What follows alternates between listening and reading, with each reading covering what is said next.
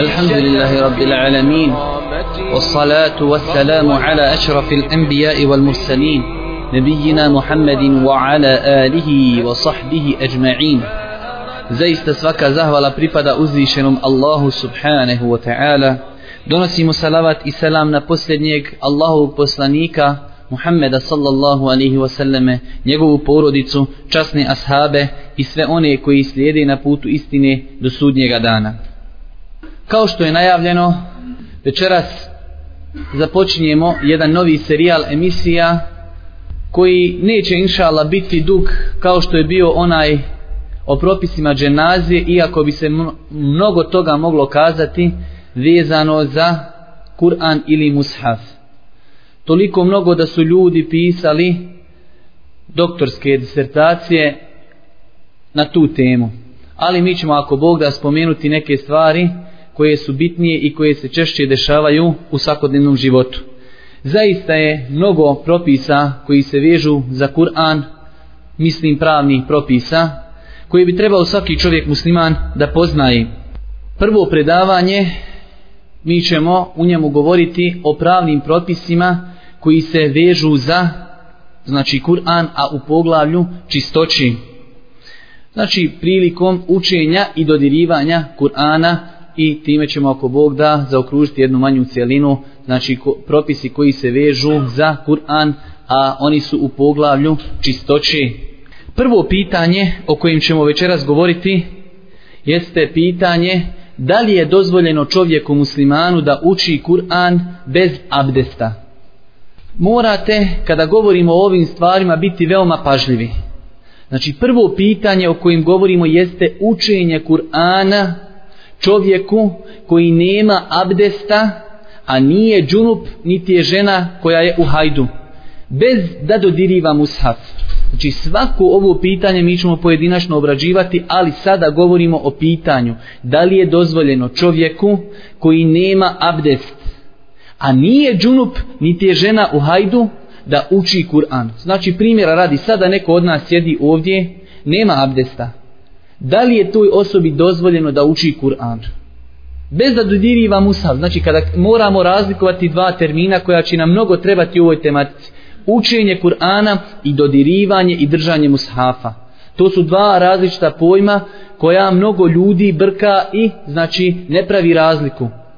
Sada govorimo o tome da li je dozvoljeno čovjeku koji nema abdesta, ali nije džunup, niti je žena u hajdu, da li te osobe, znači osoba koja nema abdest, da li može da uči Kur'an bez dodirivanja mushafa. Pa, odgovor ćemo naći da je to dozvoljeno po konsenzusu islamskih učenjaka.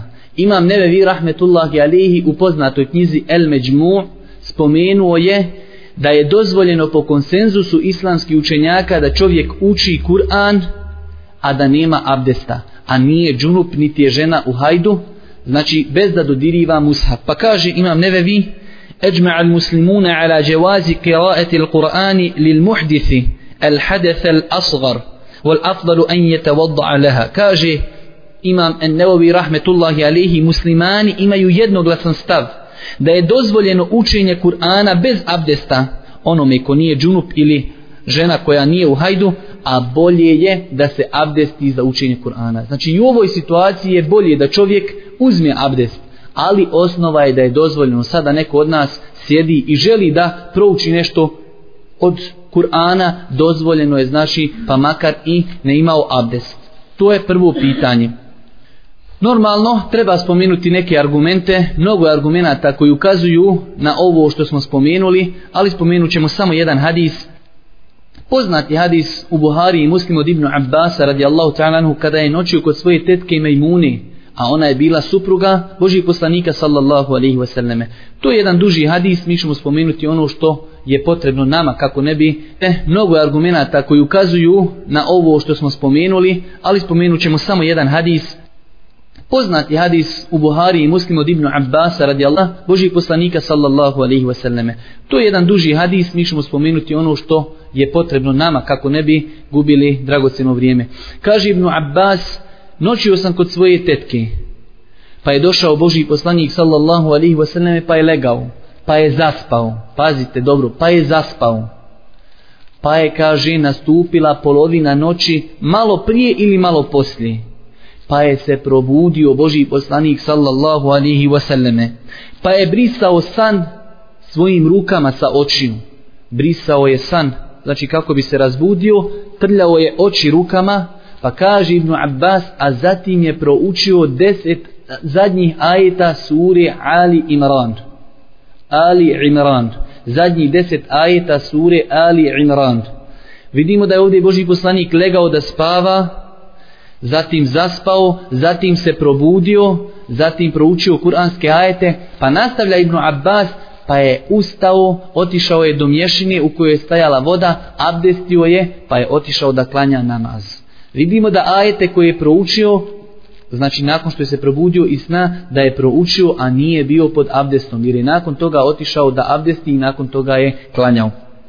Također hadis u Buhari i Muslimu koji ćemo večeras mnogo puta spominjati, dobro ga zapamtite, hadis od Aisha radijallahu ta'ala koji je također u Buhari i Muslimu. Kanen nebiju jezkuru Allahe ala kulli ahjani Boži poslanik je, kaže, spominjao Allahu subhanahu wa ta'ala u svim situacijama, znači u svakom vremenu. Ovaj hadis vidjet ćete, on je jedna velika osnova na koju se vraćaju islamski učenjaci kada govori da li je obavezno da čovjek ima abdest ili nije obavezno i vidjet ćete, mnogo puta ćemo spominjati ovaj hadis Aiši, zato kada kažemo hadis Aiši, da znate da je to ovaj hadis gdje kaže Aiša radijallahu ta'ala anha, kane nebiju jezkuru Allahe ala kulli ahjani. Boži poslanik je spominjao Allaha u svim situacijama i u svim vremenima. Normalno da ovdje spominjanje Allaha obuhvata i učenje Kur'ana jer je učenje Kur'ana jedno od najvjednijih ovaj spominjanja Allaha subhanahu wa ta'ala.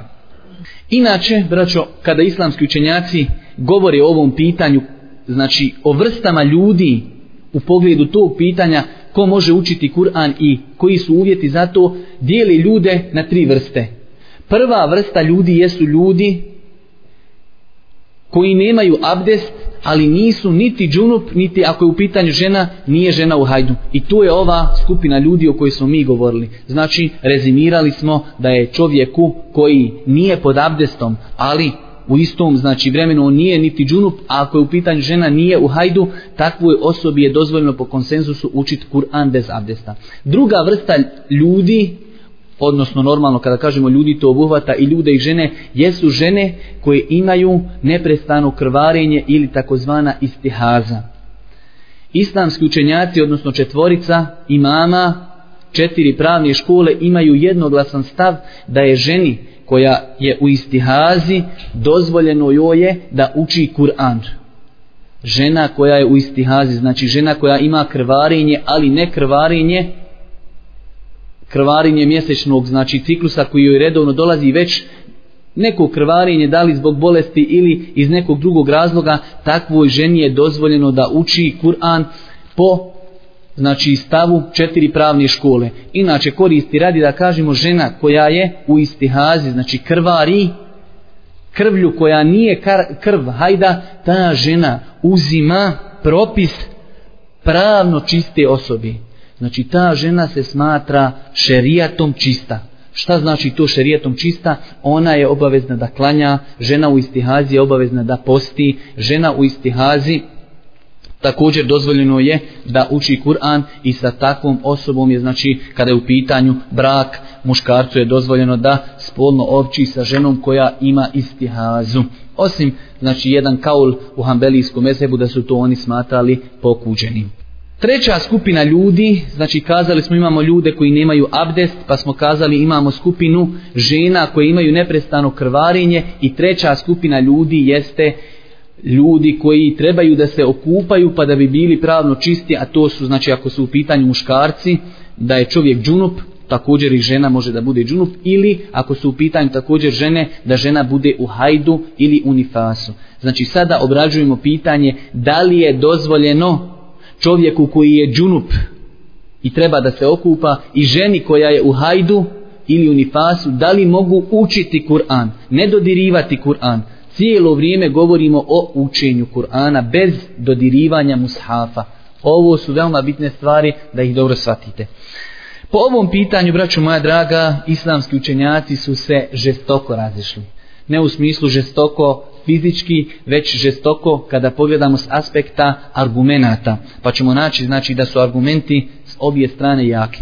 Pa kažemo po ovom pitanju islamski učenjaci imaju više stavova. Prvi stav jeste većina islamskih učenjaka je smatrala da nije dozvoljeno ženi u hajdu ili čovjeku koji je džunup da uči Kur'an. Većina islamskih učenjaka je smatrala da nije dozvoljeno čovjeku džunupu, niti ženi koja je u hajdu ili nifasu da uči Kur'an. To je bio stav Hanefijske pravne škole u jednoj predaji imama Malika, šafijske pravne škole i također u jednoj predaji imam Ahmed ibn Hanbel je zastupao taj stav. Možemo kazati četiri pravne škole, iako znači Hanbelijska i Malikijska pravna škola imaju i druge stavove, ali jedan od njihovih stavova je i ovaj stav. Oni su za te stvari spomenuli mnoge argumente, mi kada bi htjeli da spomenimo sve argumente, trebalo bi nam dosta vremena, spomenut ćemo neke najbitnije i ukratko kako se odgovara na te argumente ako postoje odgovori na te argumente. Prvi dokaz, dokaz Ibn Omera, hadis Ibn Omera radijallahu ta'ala koji je zabilježio imam Et-Tirmizi, da je kazao Boži poslanik La taqra'u l-haidu wala junubu še'en min al-Qur'an ne može učiti žena u hajdu, niti onaj koji je džunup, ništa od Kur'ana. Hadis je zabilježio imam Et-Tirmizi od Ibn Omera radijallahu ta'ala anhu, ali ovaj hadis ših Albani za nje kaže da je to hadis munker. Znači, gori nego slab daif hadis. Munker. Loš hadis. Šehul Islam ibn Tejmije kaže za ovaj hadis, ovaj hadis je slab, nije vjerodostojan po konsenzusu jednoglasnom stavu hadijskih učenjaka. A tako se često ovaj hadis spominje kada u pitanju ovo poglavlje, znači hadis ne može učiti žena u hajdu niti čovjek koji je džunup ništa od Kur'ana. Drugi hadis, hadis od Alije, mnogo poznati hadis također u ovom poglavlju da je kazao Kane nebiju yuqari'una el-Qur'ane ala kulli halin ma lam yakun junub. Hadis od Alije koji je zabilježio imam Et-Tirmizi da je rekao Boži poslanik, znači rekao je Ali radijallahu ta'ala anhu, Boži poslanik bi nas podučavao Kur'anu uvijek, u svim situacijama, osim kada bi bio džunup. Što znači iz toga se uzima da nije dozvoljeno učiti ovaj Kur'an džunup čovjeku na osnovu ovog hadisa njegove vanštini. Ali ovaj hadis također, braćo moja draga, ših Albani, rahmetullahi alihi, je ocijenio daif i slabim hadisem. Poznato je, znači nećemo to mnogo puta ponavljati, da se daif hadisi ne mogu koristiti kao validni argumenti u šerijetu. Također, kada bi pristali da kažemo da je ovaj hadis validan i vjerodostojan, kaže Omer radijallahu ta'alanu, a Ali radijallahu ta'alanu, Boži poslanik bi nas podučavao Kur'anu svim situacijama, osim kada bi bio džunup. Iz ovog hadisa se na kraju krajeva ne može shvatiti zabrana. To što Boži poslanik nije radio, to ne znači da je nešto zabranjeno. Ako Boži poslanik nije učio Kur'an kada je bio džunup, nije to znak da je to haram i zabranjeno. Možemo kazati na osnovu ovog hadisa da je to pokuđeno. Ali da kažemo da je haram, to ne znači ako Boži poslanik ostavi neko djelo da je suprotno tome, znači da je rađenje tog djela ovaj haram. I treći dokaz jeste poznata predaja od Abdullah ibn Rawahi. Sjećate se vi, mi smo to mnogo puta se, ovaj, spominjali i to se čuje dosta puta po predavanjima da je ovaj ashab Abdullah ibn Ravaha koji je preselio na bitci na Mu'ti jedne prilike je bio sa svojom suprugom. Pa su ležali pa je otišao, izišao iz kuće i otišao je do svoje robinje. Pa je imao odnos sa njom. U međuvremenu njegova žena je posumljala gdje je šta je i ustala i otišla je da provjeri gdje je. Pa je da li kroz prozor ili nekako vidjela da je on kod svoje ovaj robinje pa se vratila kući da uzme nešto kao nož ili britvu pa da ona sa njim svede račune. Kada se ona vraćala znači njemu i on je nju sreo pa mu ona kazala e da sam te srela tamo gdje si bio malo prije. Kaže pa gdje sam bio? Kaže bio si kod robinje imao si, sa, imao si sa njom odnos. Pa on kaže nisam. Ona kaže jes. I onda on kaže ti znaš da je Boži poslanik zabranio da učimo Kur'an a mi smo džunup. Evo sad što ja proučiti nekoliko kuranskih ajeta, u ovoj predaji stoji, znači pa joj je proučio nekoliko kuranskih ajeta, pa se ona smirila. Ali ova predaja, ovaj, po jednom velikom broju islamskih učenjaka je slaba predaja. Kao što kaže imam nevevi, a zabilježi ovu predaju imam Eddarekutnije, rahmetullahi alihi, imam nevevi kaže za ovu predaju da je slaba. Iako ima učenjaka kao što je imam Ibn Abdul Bar, rahmetullahi alihi, koji je kazao da je ova predaja ipak došla vjerodostojnim ovaj putevima i lancima u kojima su ovaj prenosioci vjerodostojni.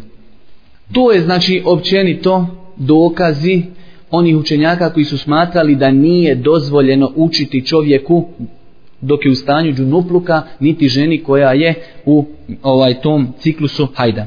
Imamo drugo mišljenje da je dozvoljeno učiti čovjeku džunupu i da je dozvoljeno ženi u hajdu da uči Kur'an. To je drugo mišljenje. To mišljenje je zastupala bukvalistička pravna škola.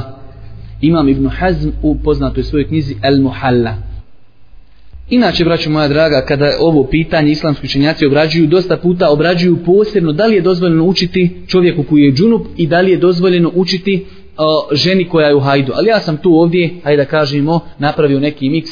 Pa zato učenjaci koji su također dozvoljavali da čovjek uči, a čovjek je džunup, ne znači ženi u hajdu, već čovjeku koji je džunup, bili su imam e, Abbas, Ibn Abbas radijallahu ta'ala anhu, poznati ashab, Ibn Sejid ibn Musejib, poznati tabi'in, Ikrime, Imam Buharić, Imam Et Taberić, Ibn Munzir. Ovi učenjaci su smatrali, zajedno znači sa bukvalističkom pravnom školom, da je čovjeku u stanju džunupluka dozvoljeno da uči Kur'an bez da dodiruje Kur'an. Oni su to argumentovali poznatim hadisem u Buharinu zbirce, zbirce hadisa da je Boži poslanik, znači rezimirat ćemo samo taj hadis, pošto je duži hadis, poznato je da je Boži poslanik poslao pismo Heraklu, u kojem ga poziva u islam i to je vama svima poznato. U tom pismu Boži poslanik mu citira ajet iz suri Ali Imran 64 gdje kaže ja ehlel kitab ta'alu ila kalimatin sawa'in baynana wa baynakum alla na'buda illa Allahe wa la nušrike bihi shay'a wa la jettehide ba'duna ba'dan arbaban min dunillah fa in tawallau fa kulu ashhadu bi enna muslimun Kur'anski ajet znači 64. iz sure Ali Imran da je Boži poslanik taj ajet napisao u pismu kojeg je poslao Heraklu a poznato je da će to pismo dodirivati nevjernici da će ga čitati i izgovarati. Na osnovu ovog argumenta, bukvalistička pravna škola i ovi koji smo spomenuli, smatrali su da je dozvoljeno čovjeku džunupu da uči Kur'an, bez da dodiriva mushaf. Također, hadisa Aisha radijallahu ta'ala na koji smo malo prije spomenuli da je Boži poslanik spominjao Allaha u svim situacijama i u svim vremenima. Također je prenešeno od Ibnu Abbasa u vjerodostojnim predajama od njega da je učio Kur'an u znači tom periodu kada bi bio džunup.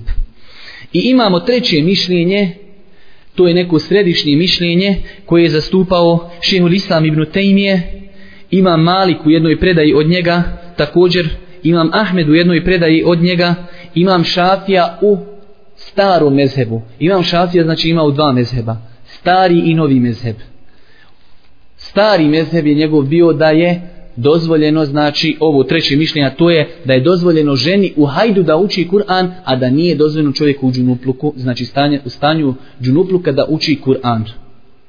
To je to neko središnje mišljenje. Oni to su argumentovali jednim razumnim dokazom, znači nisu spominjali šerijatske dokaze, već su kazali da čovjek kada je u stanju džunupluka nije potrebno da uči Kur'an, i takvoj osobi je zabranjeno zato što on jednostavno može da ode da se okupa i da otkloni od sebe tu pravnu nečistoću. Jer znači džunupluk je pravna nečistoća, ne stvarna, nego pravna. I čovjek lako kada je džunup, nema potrebe da uči Kur'an, lako je da ode, da se istušira, da se okupa i može učiti. Dok žena koja je u hajdu, taj hajd nije znači proizvod njene dobre volje, već hajd dolazi Allahom subhanahu wa ta'ala voljom i prestaje kada Allah subhanahu wa ta'ala da. Također žena u nifasu. Ne može žena znači u toku hajde da kaže e danas ja hoću da prekinem hajde danas se kupam i učim Kur'an zato su ovi učenjaci dozvolili da žena u hajdu uči Kur'an a čovjek džunup da ne može da uči Kur'an također poznato je znači da žena koja je u hajdu da ponekad neke žene znači budu u hajdu od 7 do 10 dana neke i više tako da to može biti razlogom zaboravljanja onoga što je žena znala znači na pamet. Iz tog razloga islamski učenjaci ove koji smo spomenuli su dozvolili da žena u hajdu uči Kur'an.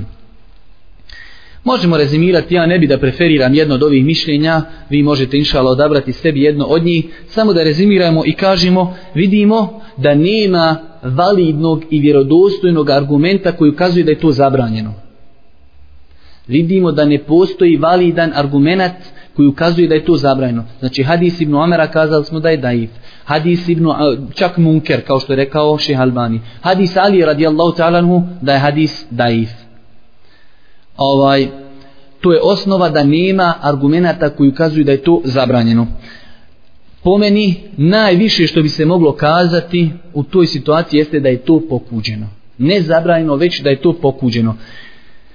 Jer Boži poslanik sallallahu alaihi wasallam ne samo da je prezirao i smatrao pokuđenim ovaj učenje Kur'ana, već i sve druge vrste zikra Boži poslanik je smatrao ovaj pokuđenim u tom stanju da čovjek zikri bilo koji zikr bez abdesta. Ali pokuđenim nije to smatrao haramom i zabranjem. Tako ćemo naći u hadisu koji je zabilježio imam Ebu Davud ibn Mađe en Nesai Ahmed, a hadis je verodostojan od El Muhađira ibn Kunfuza. Da je naišao pored poslanika sallallahu alaihi wasallame, a on je vršio fiziološku potrebu, znači mokrio je. Pa je taj ashab El Muhađir ibn Kunfuz nazvao selam Allahu poslaniku sallallahu alaihi wasallame, pa mu Allahu poslanik nije odgovorio. Pa je nakon toga Boži poslanik otišao, uzeo abdest i onda se na lijep i kulturan način, znači tražio halala, izvinio se ovom asabu i kazao ja prezirim da spominjem Allaha Đerlešanuhu, a nisam pod abdestom. Ima drugi predaja da je otišao, uzeo tejemum, nakon toga je ovaj odgovorio na selam ovom ashabu odnosno ili nekom drugom ashabu pošto ima više predaja. Na osnovu ovog argumenta islamski učenjaci kažu da je Boži poslanik smatrao pokuđenim zikr, Sama činjenica da nije odgovorio na selam, selam je jedna vrsta zikra. Znači, također za učenje Kur'ana se može kazati da je pokuđeno, ali da je to haram i zabranjeno, trebaju ipak neki jači argumenti. U svakom slučaju, treba ovdje spomenuti da ovi učenjaci koji su smatrali to zabranjenim, izuzimaju iz toga neke stvari, pa na primjer, čovjeku, džunupu, po nekim učenjacima je dozvoljeno da prouči neke kuranske ajete s ciljem zikra, a ne s ciljem učenja Kur'ana. Primjera radi čovjek hoće da legne spavat, a džunup je. Pa hoće da prouči neki zikr u kojem imaju neki kuranski ajeti, oni su izuzeli to i kažu to ne potpada pod učenje Kur'ana, odnosno to jest Kur'an, ali ne potpada to ne, ne uči s ciljem učenja Kur'ana, već uči s ciljem zikra. Pa su izuzeli tu situaciju. Također, izuzeli su da je dozvoljeno čovjeku da gleda u mushaf i da uči srcem, znači u sebi, bez micanja jezikom, da uči Kur'an. Čovjek koji je džunup, dozvoljeno mu je, čak mislim po konsenzusu, ali nisam siguran, uglavnom dozvoljeno je da gleda u mushaf ili bez gledanja u mushaf da uči Kur'an u sebi, bez micanja jezika, znači u mislima da uči Kur'an. To je također dozvoljeno. Također čovjeku koji je u džunupluku ili ženi u hajdu dozvoljeno je da sluša Kur'an od nekog ko uči ili sluša, eventualno sluša kasete, nema nikakve smetnje. Znači i oni koji su smatrali to zabranjenim izuzimaju ove situacije. Znači prva situacija da prouči neke ajete s ciljem zikra, a ne s ciljem učenja Kur'ana, također da uči kur'anske ajete u mozgu, znači u sebi, bez da miče jezikom i ova treća situacija da čovjek sluša učenje Kur'ana. Sljedeće pitanje jeste dodirivanje mushafa bez abdesta. Sve ono što smo do sad spominjali je bilo šta? Učenje Kur'ana. Sada prelazimo na tematiku dodirivanje mushafa bez abdesta. Dodirivanje mushafa bez abdesta. Pa kažemo, po tom pitanju islamski učenjaci imaju dva stava.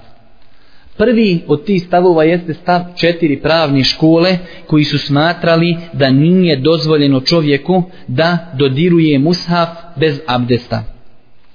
Normalno i oni sami, ova četiri mezheba, se u nekim sitnicama razilazi. Pa su neki dozvolili, dozvolili djeci koja se podučavaju i njihovim učiteljima. Neki su dozvolili neke druge situacije, ali općenito gledajući, četiri mezheba su smatrala četiri pravne škole da nije dozvoljeno čovjeku da dodiruje mushaf, knjigu, Kur'an bez abdesta. Normalno, opet kažemo po tom pitanju, postoji neki mnogi argumenti, mi ćemo pokušati spomenuti neke i ovaj spomenuti kako oni dokazuju njima i ako postoje odgovori na te argumente. Prvo čime oni to dokazuju jeste riječ Allah subhanahu wa ta'ala u suri Al-Waqi'a gdje kaže Allah subhanahu wa ta'ala innahu la Qur'anun karim fi kitabin fi kitabin maknun la yamassuhu illa al-mutahharun On je zaista Kur'an plemeniti u knjizi brižljivo čuvanoj dodirnuti ga smiju samo oni koji su čisti. On je zaista Kur'an plemeniti u knjizi brižljivo čuvanoj dodirnuti ga smiju samo oni koji su čisti. Znači vidite ovaj vanština ovog kuranskog ajeta ukazuje da ne može dodirniti Kur'an osim onaj koji je čist. Ali naći ćemo tamo učenjake kao što je imam Ibnu El Arabi, nije Ibnu Arabi, Ibnu El Arabi, islamski učenjak Malikijske pravne škole, poznati mu Fesir, također imam El Kurtubi, rahmetullahi alihim, su spomenuli ovaj kuranski ajet i u komentaru njega spomenuli da ove riječi ova zamjenica, znači i njega ne dodiruje, da se ta zamjenica odnosi na lauhi mahfuz, da se ne odnosi na Kur'an. Također ona riječ ne smiju ga dodirnuti sam osim oni koji su čisti. Riječ čisti kažu oni da se odnosi na meleke, a ne odnosi se na ljude. Hoće da kažu ovaj kuranski ajet, uopšte ova tri kuranska ajeta, uopšte ne govori o Kur'anu koji je na zemlji, već govori o lauhi mahfuzu na nebesima, da je to knjiga koja je čuvana i da nju ne dodiruje niko osim oni koji su čisti, a to su meleki Allaha subhanahu wa ta'ala. Znači, ovaj odgovor je spomenuo imam el-Qurtubi i imam Ibn el-Arabi rahmetullahi alejhim. To je znači dokaz i odgovor na njega. Također od dokaza kojima su ovi islamski učenjaci dokazivali ovaj svoj stav jeste poznati hadis od Amra ibn el-Hazma. Ibn, Amr ibn Hazm od njegovog oca, od njegovog djeda. Hadis gdje je Boži poslanik sallallahu alaihi wasallam poslao stanovnicima Jemena jedno pismo između ostali stvari u tom pismu stoji La jemesul Kur'ane illa tahir i neka ne dodiruje Kur'an niko osim oni koji su čisti. Znači Boži poslanik je poslao jedno pismo stanovnicima Jemena. Pa im je napisao tu mnogo propisa koji se vežu za islam. Između ostali stvari koje je spomenuo, znači ovo je samo jedna mala stvar spomenuti iz tog pisma, jeste da je rekao Boži poslanik La je mesul Kur'ane illa tahir. Neka ne dodiruje Kur'an niko osim oni koji su čisti. Ali imamo ovdje jedan veliki problem. A to je da ovaj hadis svi lanci i svi putevi kojima je on došao su daif. I to bez nekog jačeg razilaženja znači daicu. Ali imamo učenjake kao što je bio Ših Albani i mnogi neki drugi koji su kazali taj hadis je vjerodostojan ne zato ne gledajući u lance njegovu znači prenosilaca već zbog toga što ga je islamska ulema i islamski učenjaci prihvatili da rade po njemu. Znači oni kažu to što su islamski učenjaci od prvih generacija prihvatili taj hadis i rade po njemu znači nama je dovoljno i ne trebamo gledati u njegov znači sened u njegov lanac prenosilaca. Tako znači osnova ovog hadisa je da je daif hadis. Ali znači neki islamski učenjaci, među njima je i Ših Albani, rahmetullahi alihi, kazao je da ovaj hadis vjerodostojan ne zbog njegovog lanca prenosilaca, već zbog toga, kako oni kažu, li kubuli el ulena, zato što ga je ulema prihvatila i zbog toga što je on proširen kod učenjaka i kod običnog naroda. Oni kažu to je nemoguće da je taj hadis daif. Imamo drugo mišljenje, opet, znači, bukvalističke pravne škole da su smatrali da se može dodirivati mushaf bez abdesta. Bukvalistička pravna škola je smatrala se Kur'an može dodirivati bez abdesta. Vidjeli smo da dokazi koji su spomenuli četiri pravne škole, znači Kur'anski ajet, nije neki jak argument. Ovaj hadis ibn, uh, ovaj Amra ibn, ibn Hazma također ovaj hadis kao što smo kazali daif, ali znači neki islamski učenjaci za njega kazali da je sahih. U svakom slučaju kada bi neko htjeo da odgovara na taj hadis, mogao da kaže hadis je daif. Znači bukvalička pravna škola je zastupala mišljenje da je dozvoljeno dodirivati mushaf bez abdesta. Oni su znači dali odgovore na ono na one argumente koji su spomenuli četiri pravne škole, a plus spomenuli su argumentat koji ukazuje da je dozvoljeno dirati Kur'an bez abdesta, hadis da je Boži poslanik poslao pismo Heraklu. Oni kažu sama činjenica da će nevjernici dodirivati to pismo u kojim stoji kuranski ajet, ukazuje da je to dozvoljeno. Jer da nije bilo dozvoljeno, to Boži poslanik sallallahu alaihi wasallame ne bi uradio. Ja lično ne želim da preferiram jedno od ovih mišljenja, ali spomenuo sam samo ove stvari kako bi poznavali ovu tematiku i kako bi sutra ako sretnemo nekog da zastupa mišljenje koje je suprotno od onoga kojeg mi preferiramo da bi znali poštovati tog čovjeka i da bi znali poštovati njegovo mišljenje. Primjera radi, ako zastupaš mišljenje da čovjek ne smije dodiniti mushaf osim s abdestom i dođe čovjek kaže ja preferiram mišljenje da može na osnovu argumenata Ne treba čovjek da, hajde da kažemo, se prepiri s takvim čovjekom. Ali ako ne poznaje tu tematiku, možda će doći do raspravi. Pa kaže, pa četiri mezeba su smatrali da je to haram, kako možeš to uraditi? A ne zna da postoji ulema koja je to smatrala dozvoljenim i postoje argumenti koji su oni uzeli, znači, kao ovaj faktore kojim su branili to svoje mišljenje. Zato, znači, ja neću da preferiram nijedno od ovih mišljenja, tim, znači želio sam samo da spomenem malo, znači opširnije ovo pitanje kako bi imali jaku podlogu o ovom pitanju. Također treba spomenuti opet oni učenjaci, odnosno četiri pravne škole, oni su kazali da je haram i nije dozvoljeno dirnuti mushaf osim sabdestom. Ali i oni izuzimaju neke situacije, pa ćemo spomenuti samo neke kako bi opet znali kako kako su islamski učenjaci razmatrali te mnoge znači varijante i mnoge situacije. Pa jedna od tih situacija jeste ako bi se čovjek bojao, na primjer, da će mushaf izgoriti u požaru.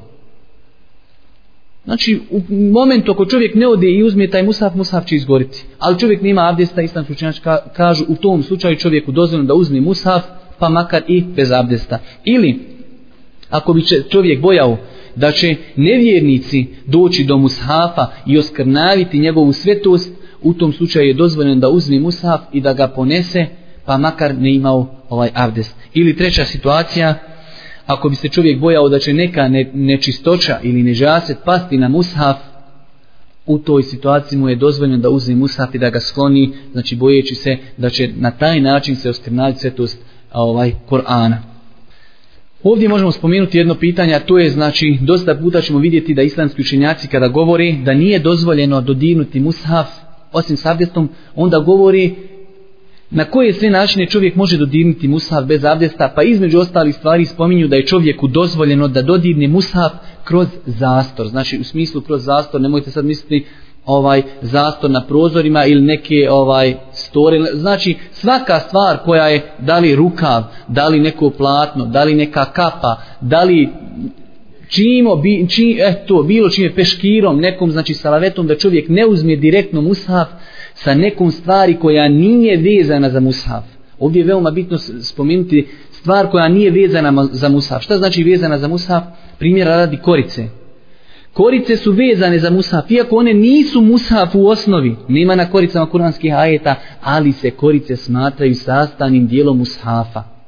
Ali kada čovjek uzme krpu i krpom ili peškirom ili kapom ili nekim zastorom i uzme mushaf, tada taj čovjek nije dodirnuo mushaf, znači već ga nosi u tom nekom zastoru. Tako da je to jedna od situacija, ne sva ulema, ali velik broj islamskih učenjaka je dozvolio da čovjek ovaj na takav način dodirne mushaf, pa makar i nemao abdesta. Ovdje se također postavljaju dva pitanja, koja su usko vezana za ovo pitanje, to je da li je čovjeku dozvoljeno dodirivati bez abdesta knjige tefsira i drugo pitanje, da li može dodirivati bez abdesta knjige fikha i knjige hadisa. hadisa. Da li može bez abdesta. Što se tiče knjiga tefsira, po tom pitanju zaista postoje mnoga mišljenja, čak jedan šeh navodi pet različitih mišljenja kod islamskih učenjaka, ali jedno od najjačih mišljenja jeste da nima smetnje da čovjek dodiruje knjige tefsira bez abdesta. Jer ovaj vidjeli ste samo raz, koliko je jako razilaženje da li se može dirati musav bez abdesta. A znači kada je u pitanju tefsir, dodirivanje tefsira, onda sigurno je ovaj treba da bude razilaženje mnogo manji. Prva stvar koja ukazuje na to, ono pismo Heraklu. To pismo Heraklu se najviše može smatrati kao neki tefsir, znači ajet oko kojeg postoji nešto što nije Kur'an. Znači taj hadis može se poslužiti kao jedan jak argument da je čovjeku dozvoljeno dodeljivati knjige tefsira bez abdesta. Također, i sama potreba je velika. Zamislite da ljudi koji studiraju te nauke, znači kuranske nauke i non stop su u dodiru sa tefsirima, da im se postavi uvjet da moraju da budu pod abdestom, zaista bi to jedan, bio jedan vid ovaj otežanja. Normalno, da postoje validni argumenti za te stvari, čovjeku to nije teško, ali ako ne postoje validni argumenti, zašto umeti muslimane opterećavati onim stvarima koji nisu ovaj došle jasnim dokazima. Također knjige Fika i Hadisa u kojima se spominju neki kuranski ajeti uzimaju sličan znači propis. Ima oni koji su smatrali da je to dozvoljeno, neki su smatrali da je pohvalno uzeti abdest, najviše što je se znači spomenulo od uleme da je pokuđeno dirati, dodirivati knjige Fikha i knjige Hadisa bez abdesta. Znači najviše što je neko rekao od uleme da je to pokuđeno. Niko nije kazao da je to haram. Ali opet kažemo isto ono što smo kazali ovaj i za dodirivanje i uzimanje knjiga tefsira na osnovu onog hadisa koji u Buhari od eh, da je Boži poslanik poslao pismo Heraklu također da bi to predstavljalo veliku poteškoću možemo kazati inša Allah da čovjek koji dodiruje te knjige i uzima ih bez abdesta da neće inša Allah biti griješan. Također jedno pitanje koje je veoma često i ovaj aktuelno da li je dozvoljeno dodirivati prijevod Kur'ana prijevod Kur'ana bez abdesta? Pa kažemo po tom pitanju većina islamskih učenjaka je smatrala da je to dozvoljeno. Kada kažemo većina islamskih učenjaka time sada podrazumijevamo tri pravne škole osim hanefijske pravne škole. Znači malikijska, šafijska i hanbelijska pravna škola su smatrali da je čovjeku muslimanu dozvoljeno da dodiruje prijevod Kur'ana bez abdesta. Sam imam nevevi rahmetullahi alihi kaže prijevod Kur'ana nije Kur'an po konsenzusu islamskih učenjaka znači ne uzima propis Kur'ana po konsenzusu islamskih učenjaka ali eto imamo anefijsku pravnu školu koja je smatrala da je to mekruh, ali mekruh koji prelazi u haram, tako to su islamski učenjaci zvali kerahijetu tahrim. Ima kerahijetu tenzih, znači mekruh, da je to pokuđeno, a imate veća vrsta pokuđenosti, a to je znači ovaj može se nazvati da je to i haram. Znači oni su zastupali mišljenje da je ovaj to pokuđeno ili zabranjeno dodirivanje prijevoda Kur'ana bez abdesta.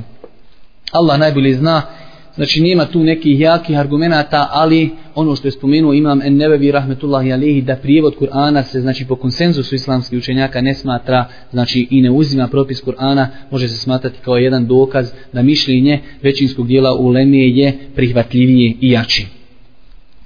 Također pitanje da li je dozvoljeno nevjerniku da dodirni mushaf Kur'an. Da li nevjernik može da dodirni Kur'an ili mushaf?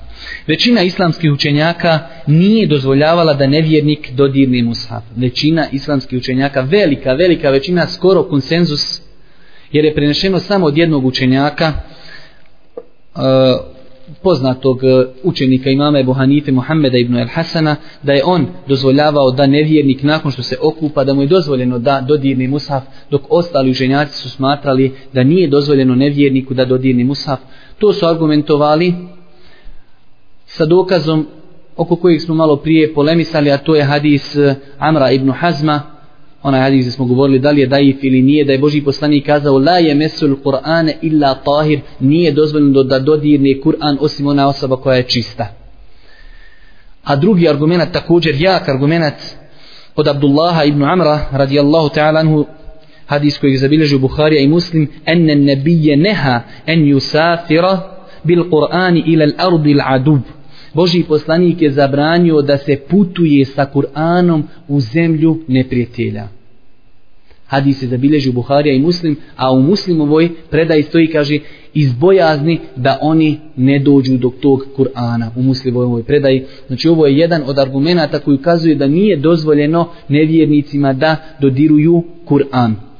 Znači hadis Amra ibn Hazma la je mesul Kur'an ila tahir nije dozvoljeno da dodirne Kur'an osim onaj koji je čist. I ovaj hadis u Buhari i Muslimu da je Boži poslanik zabranio da se putuje sa Kur'anom u nevjerničke zemlje, ali ovdje je znači ilal ardil adub, vidjet ćete, spomenut ćemo poslije jedno pitanje, to je znači nevjerničke zemlje s kojima su muslimani u ratu, darul harb, imate darul selam i darul harb, znači države s kojima su muslimani u ratu. I boji se, znači, čovjek, ako bi ti nevjernici uzeli, znači, taj, došli do tog mushafa ili Kur'ana, da će oskrnaviti njegovu svetost. Inša Allah, nemojte se plaho sikirati, privodimo inša Allah kraj. Također, islamski učenjaci su se razišli da li je dozvoljeno da se nosi mushaf u neprijateljsku teritoriju. E to je ovo sada pitanje. Znači, prvo smo govorili općenito da li nevjernik može dodirnuti mushaf. Pa smo kazali da je velika većina islamskih učenjaka to smatrala zabranjenim. A sada, drugo pitanje, znači, zamislite, muslimani ratuju i postoji neke granice islamske državi. Nakon što prijeđu te granice i krenu u osvajanja u neprijateljsku, znači teritoriju, da li mogu sa sobom da nosi mushaf? Jer Boži poslanik, vidjeli ste, zabranio je to. Pa ćemo vidjeti da imamo mišljenje islamskih učenjaka koji kažu to ne smiju ponijeti sa sobom one grupice koji ljudi koji idu u manjim grupicama kao neki izviđači ili nešto, nešto slično tome zato kao što je velika mogućnost da ih ufati neprijatelj pa da ovaj oskrnavi svetost eh, Kur'ana, ali kaže ako se dešava da muslimani ulazi u velikom broju u neprijateljsku, znači teritoriju, tada mogu ponijeti sa sobom mushaf.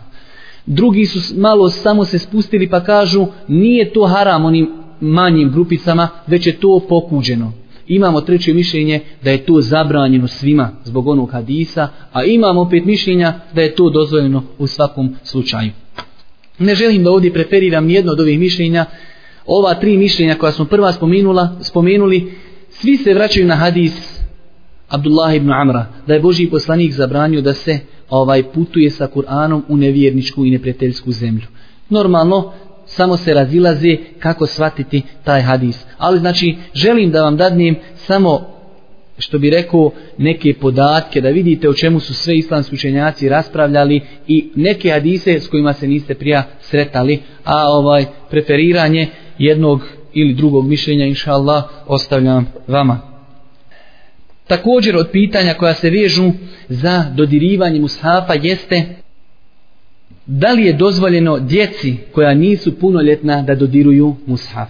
Također pitanje koje je mnogo aktuelno i mnogo puta se postavlja da li djeca koja nisu punoljetna. Zašto kažemo punoljetna? Zato što znači čovjek kada postane punoljetan postaje šerijatski obveznik, znači svi oni propisi koji su šerijatu traži od čovjeka postaju od onog momenta kada čovjek postane punoljetan. E ovdje i ovo sve što smo dosta spominjali odnosi se na punoljetne osobe. E sada posebno pitanje, a šta je sa djecom?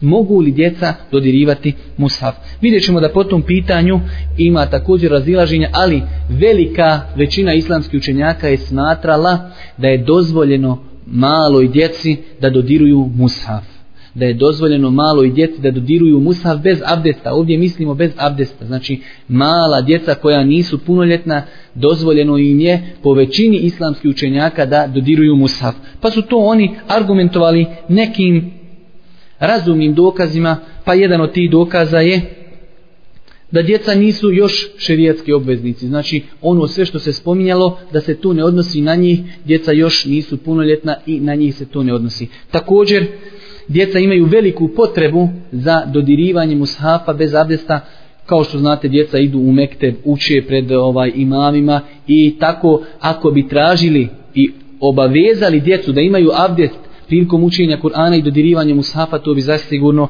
predstavljalo veliku, veliku poteškoću.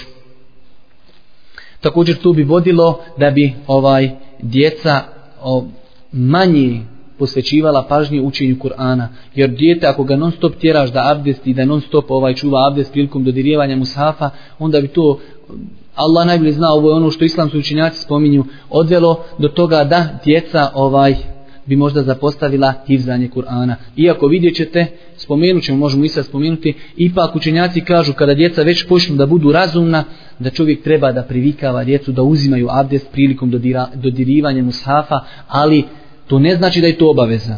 Već čovjek treba da ih privikava kako bi se u glavama i u srcima i njihovim imanima javljala ta, znači i odgajala svetost Kur'ana. Da od malih nogu djeca osjećaju da Mushaf i Kur'an imaju svoju svetost i svoju veličinu.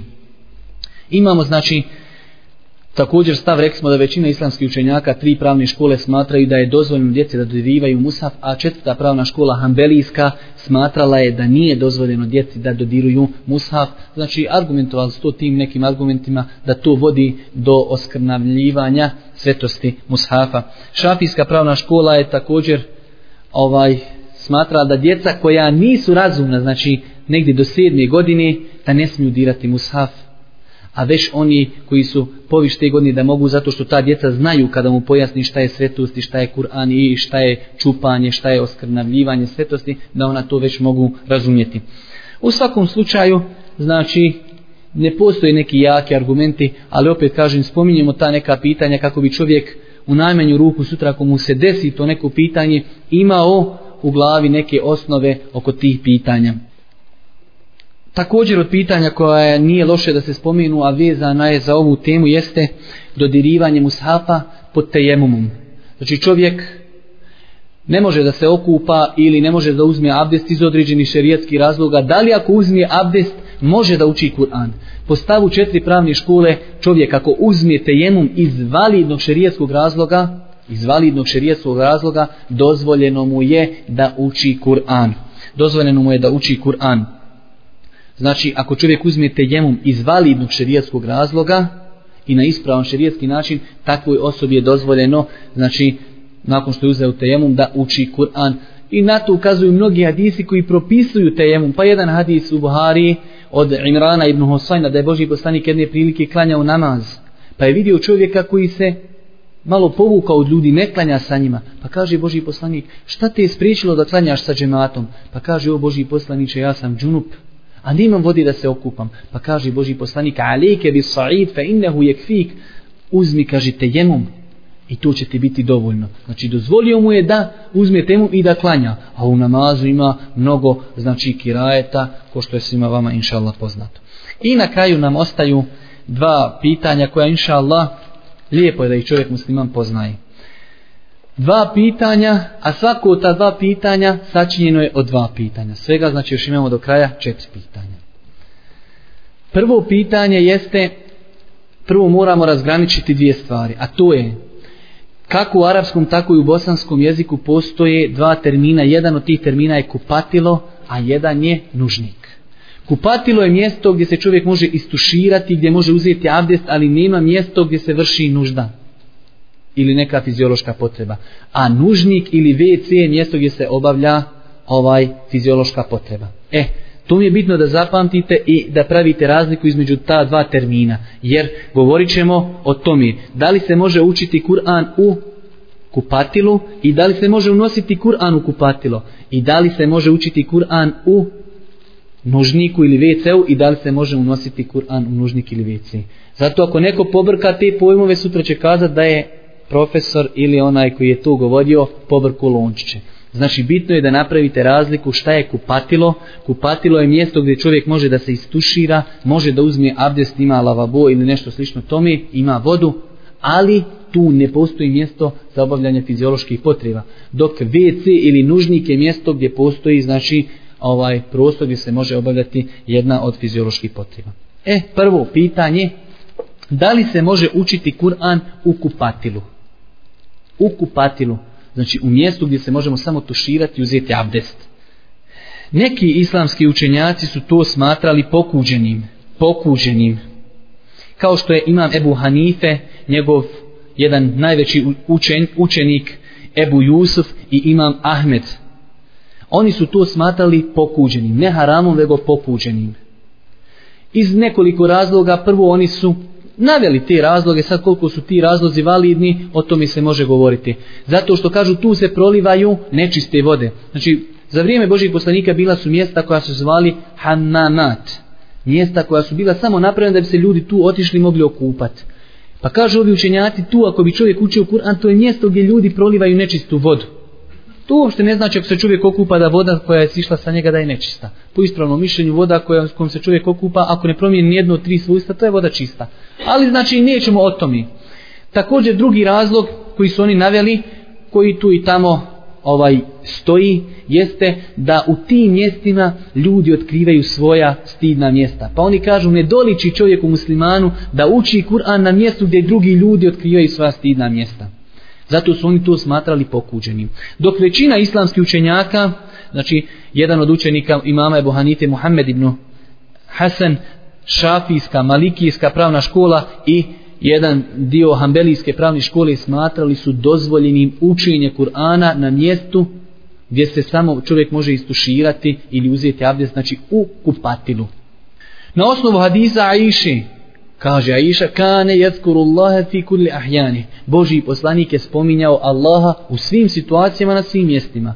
Obuhvata znači i kupatila. A također ne postoje argumenti koji zabranjuju. To možemo mi kazati ne doliči čovjeku, ali ne postoji argument koji to zabranjuje. Dobro.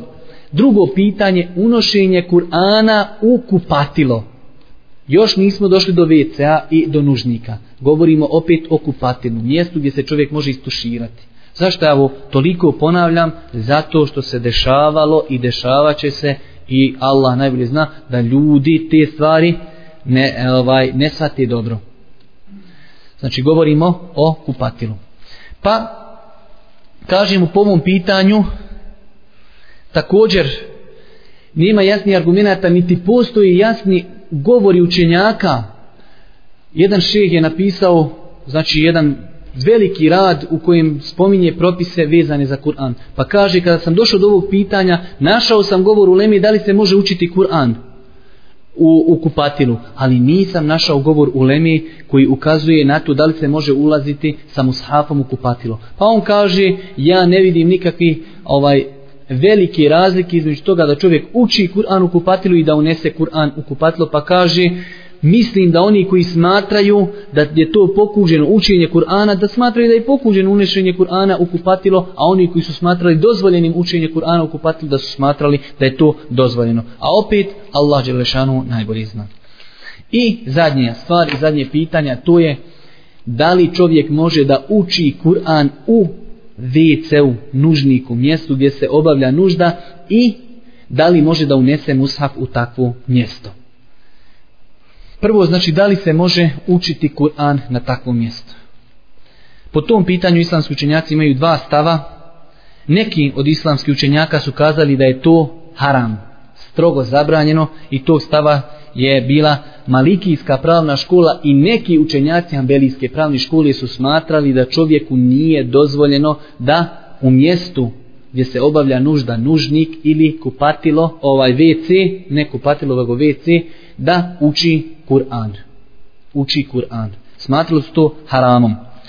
Zbog hadisa Ebu Sa'ida el-Hudrija, da je kazao Boži poslanik, neka ne obavljaju fiziološku potrebu dvojica ljudi otkrivenih stidnih mjesta razgovarajući, jer to Allah prezini. Mi smo ovaj hadis prošle godine u zimskoj školi Islama spominjali kada smo govorili o adabima obavljanja nuždi, znači fizioloških potreba, pa smo spomenuli, a možemo i sad spomenuti da ovaj hadis se mnogo puta citira kada je u pitanju da li se može govoriti u nužniku ili ne može i velik broj islamskih učenjaka je to smatrao pokuđenim na osnovu ovog hadisa, a sam ovaj hadis šeha Albani je smatrao da je ifom, znači hadis je zabilježio imam Ebu Davud, hadis je daif i sam imam Ebu Davud ili imam Etirmiz je kazao u svojoj zbirci da je to hadis slab hadis. Znači to je argument na, kojeg islam, na, na osnovu kojeg islamski učenjaci kažu da čovjek ne može učiti Kur'an na takvom mjestu. Također da to oskrnavljuje znači veličinu i čast ovaj svetost mushafa da čovjek dođe na takvo jedno mjesto i da uči kako se zove Kur'an na takvom mjestu. Većina islamskih učenjaka je smatrala pokuđenim da čovjek na takvom mjestu uči Kur'an, pokuđenim. Zbog hadisa kojih zabilježi ima muslim od Ibnu Omera, da je poslanik sallallahu alaihi wasallame nije odgovorio na selam onom ashabu koji je ovaj nazvao selam Božijem poslaniku kada je obavljao fiziološku potrebu. Znači tamo smo spomenuli da se ashab zvao El Muhađir Ibn Kunfud, a ovdje ova predaja od Ibnu a, Ibn Omera radijallahu ta'ala anhu kod imama muslima da je naišao ashab i poselamio Božijeg poslanika sallallahu alaihi wasallam pa mu nije odgovorio dok nije uzeo tejemum ili dok nije ovaj uzeo abdest. Vidimo znači da je Boži poslanik smatrao pokuđenim ovaj da čovjek zikri ili da spominje Allahu subhanahu wa ta'ala ime u periodu dok obavlja ovaj fiziološku potrebu. To su znači argumenti na, ko, na osnovu kojih islamski učenjaci kažu minimalno što se može kazati za ovo pitanje jeste da je pokuđeno da čovjek na takvim mjestima uči Kur'an, a maksimalno što smo kazali jeste da je to haram strogo zabranjeno. I zadnje pitanje, pitanje da li je dozvoljeno unošenje mushafa u nužnik. Da li je, unoš, da li je dozvoljeno unošenje mushafa u nužnik. Pa kažemo po tom pitanju također postoji dva mišljenja. Naći ćemo da su također neke malikije, znači sljedbenic malikijske pravne škole i hambelijska pravna škola smatrali da je to strogi haram zabranjeno. Da čovjek unese mushaf u nužnik, da je to haram i zabranjeno. Ali pazite, opet i oni koji su to smatrali haramom, kažu osim illa lil hađe lid darura. Dozvoljeno ako čovjek ima za to veliku potrebu.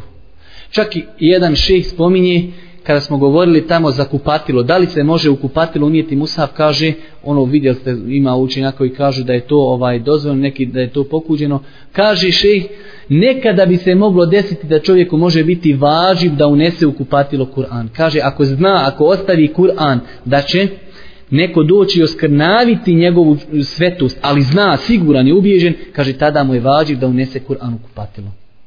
Tako i ovi islamski učenjaci kažu da je haram zabranjen unijeti Kur'an u nužnik ili WC bez potrebe. Ali kažu ako postoji za to potreba, onda je to dozvoljeno. I imamo većinski dio islamskih učenjaka, hanetijsku, šafijsku, pravnu školu i neki dio malikijske pravne škole koji su smatrali da je to pokuđeno. Nisu smatrali da je to haram, ali su smatrali pokuđeno. Kao i predhodno pitanje, znači minimalno što se može kazati jeste da je to pokuđeno, a maksimalno da je to haram i zabranjen, ako ne postoji za to potreba.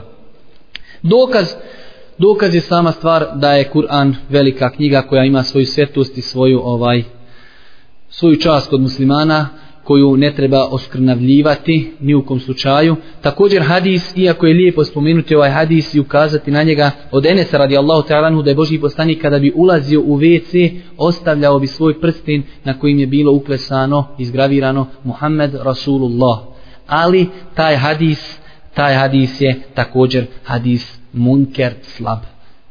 Znači taj hadis koji dosta puta čujemo i dosta puta se njime argumentuju određeni stavovi da je Boži poslanik kada bi ulazio u, kupati, u, u nužnik da obavi ve, u WC da obavi neku od fizioloških potreba da bi skidao svoj prsten na kojem je bilo izgravirano Muhammed Rasulullah taj hadis je munker slab slab skroz. U svakom slučaju, znači, to je ono što sam ja htio da spomenim večeras vezano za pravne propise koji su vezani za Kur'an u poglavlju Tahareta, čistoći. Sutra ćemo ako Bog, da ako nas Allah poživi, progovoriti nekoliko riječi, vjerovatno nećemo moći završiti, ovaj propisi vezani za Kur'an u poglavlju namaza. Znači govorit ćemo kada se uči bismillah, kada se uči javudha, kada se uči fatiha, namazi, u sebi namazi, znači naglas i mnoga druga pitanja, činjenje sehvi, se, on, činjenje tilave seđde i mnoge druge stvari ako Bog da nas čekaju koje ćemo pokušati da obradimo u što kraćim roku. Molimo Allah subhanahu wa ta'ala da nas pro, poduči propisima njegove vjere. Molimo ga subhanahu wa ta'ala da nas učvrsti ovim teškim vremenima. Molimo ga subhanahu wa ta'ala da pomogne muslimane u svim dijelovima svijeta. I na kraju subhaneke Allahumma wa bihamdike ashhadu an la ilaha illa anta astaghfiruka wa atubu ilayk.